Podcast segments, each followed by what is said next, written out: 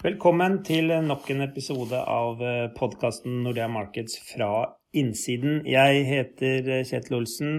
Med meg har jeg i dag Lars Mowland.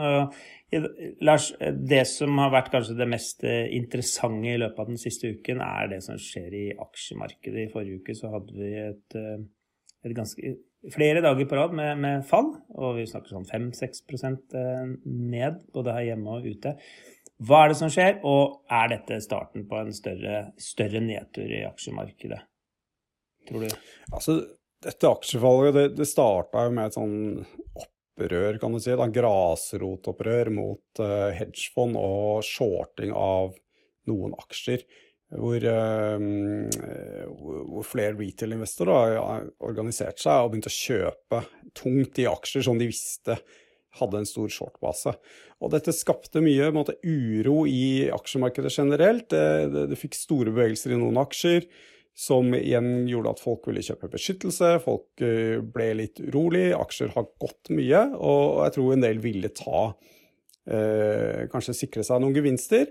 Eh, vi vet at aksjemarkedet er ganske dyrt også, så, og det har, som sagt, det har gått mye. Det er ikke unaturlig at vi får Eh, en sånn korreksjon som vi har sett nå. Men eh, andre markeder eh, har vært mye roligere. Oljeprisen f.eks. På, på stedet hvil forrige uke. Jeg syns det er lite som tyder på at det, det her har noe med en at man på mista troen på oppsving eller normalisering av økonomien. Jeg tror dette har med veldig spesielle ting i i akkurat aksjemarkedet å gjøre. Mm. Du nevnte at uh, aksjemarkedet er høyt prisa, men, men, sånn som jeg leser det, så er det, det, er, det er jo en konsekvens av de, de, lave rentene. og Du kan jo snu på det og si at hvis det er noe som er ordentlig høyt prisa, så er det jo obligasjonsmarkedet som er høyt prisa gjennom de ekstremt lave rentene.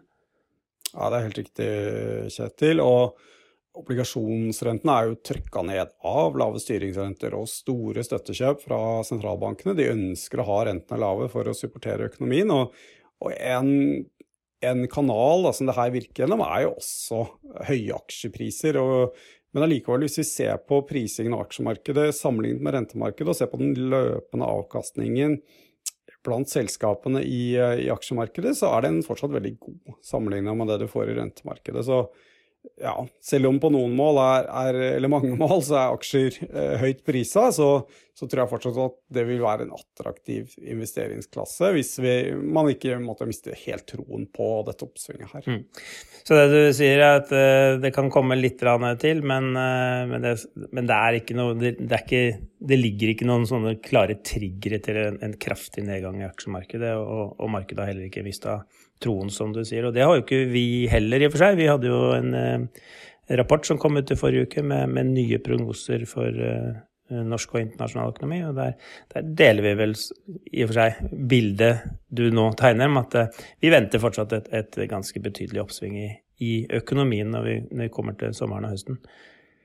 Absolutt, og dette handler jo i stor grad om når kan vi slutte med, med smitteverntiltak, for da kan vi få i gang servicesektoren. Og og vi kan få i gang, tror vi, eh, servicesektoren når vi får vaksinert eh, stor nok del av befolkningen. Så dette handler jo i stor grad om utrullingen av vaksiner. Her har det jo vært litt sånn ja, litt signaler på den ene og andre siden siste, siste tiden, Kjetil?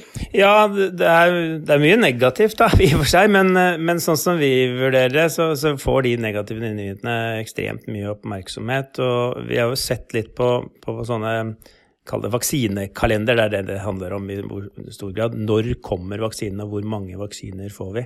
Um, og sånn som vi tolker nyhetene vi får fra de ulike vaksineprodusentene og resultatene som kommer derfra, og, og de, de, kvotene vi får fra EU, så ligger det til tross for liksom forsinkelse fra den ene viktige leverandøren AstraZeneca, Sånn som vi ser det, så ligger det fortsatt an til at hele den voksne befolkningen vil kunne være vaksinert eh, før sommeren er over. Og det gjør jo at vi, vi fortsatt holder på at sommeren vil markere et, eh, et ganske definitivt, tror vi, eh, vendepunkt for både pandemien og ikke minst da økonomien. For det er som du sier, det er smitten og smitteverntiltakene som som på en måte styrer konjunkturen om dagen. Eh, myndighetene styrer smitteverntiltakene, men det er smitten som bestemmer i en viss grad. Og, og, og de skrur på aktivitetsknappen på og av etter, etter hvor høy smitten er. Eh, og, og, med store deler av befolkningen vaksinert i løpet av sommeren, så er det god grunn til å tro at vi kan løfte på de aller, aller fleste smitteverntiltakene.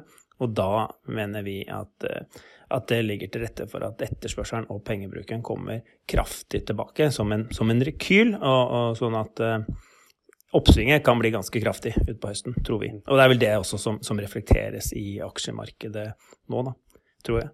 Mm.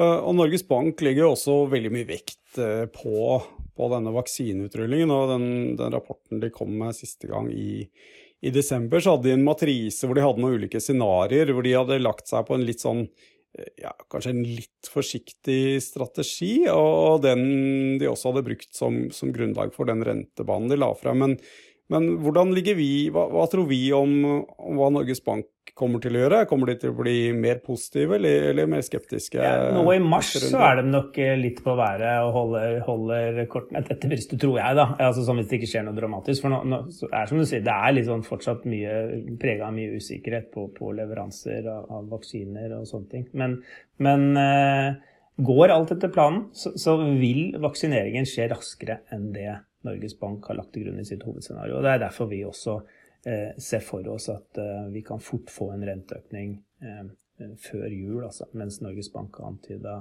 i starten av 2022. Så, så litt tidligere renteøkning eh, tror vi på, eh, og det henger sammen med en litt raskere utrulling av vaksiner enn det Norges Bank i sitt ganske konservative anslag la til grunn i, i desember. Det høres uh, bra ut, så vi er fortsatt optimister. Uh, kan fortsatt bli litt uro i, i aksjemarkedet. Det har gått mye, ikke unaturlig med en korreksjon, men så tror vi at vi tar veien fatt uh, videre oppover. Etter hvert. Det var vel det vi hadde å si i dag, eh, Kjetil. Er det noe vi har glemt? Nei, jeg tror vi kan jo nevne krona, som svekka seg litt i forrige uke også. Det hadde jo, sånn som vi vurderer det, klart sammenheng med, med aksjemarkedet igjen. Oljeprisen holdt seg oppe, eh, så det var en veldig sånn aksjerelatert svekkelse av krona, og det har vi jo sett tidligere også. Norske kroner er en av de mest risikosensitive valutaene der ute, og faller aksjemarkedet, så, så typisk det vi ser, at eh, krona strekker seg. Men skulle nå uroen gå over, eh, og, og, og aksjemarkedet liksom finne seg tilbake, på en måte, så ser vi for oss at krona kan komme tilbake til det der leie den har ligget den siste tiden, altså euro nok-termer sånn mellom 10,20 og 10,40, eh, og at vi blir liggende der til og fra, avhengig litt av stemningen i aksjemarkedet. Men um, fram, til, til vi får, ser en, en, en tydeligere normalisering av verdensøkonomien og dermed også oljeetterspørselen. Da kan det dra oljeprisen videre opp. Og så på litt sikt så har vi, fortsatt et bilde av at krona skal gå sterkere. Men vi er litt avmålt sånn i, til, til, å begynne med nå. Men, men, som sagt, den svekkelsen vi fikk i forrige, forrige uke, hadde helt klart eh, relasjon til, til, det som skjedde i aksjemarkedet. Og går det over, så, så skal, skal krona komme litt sterkere igjen. Jeg, jeg, tror det var det vi hadde, Lars. Eh, du har hørt på Nordea Markets eh, fra innsiden. Jeg heter Kjetil Olsen, med meg hadde Lars Moland, og vi sier velkommen tilbake ved en annen korsvei. Takk for nå.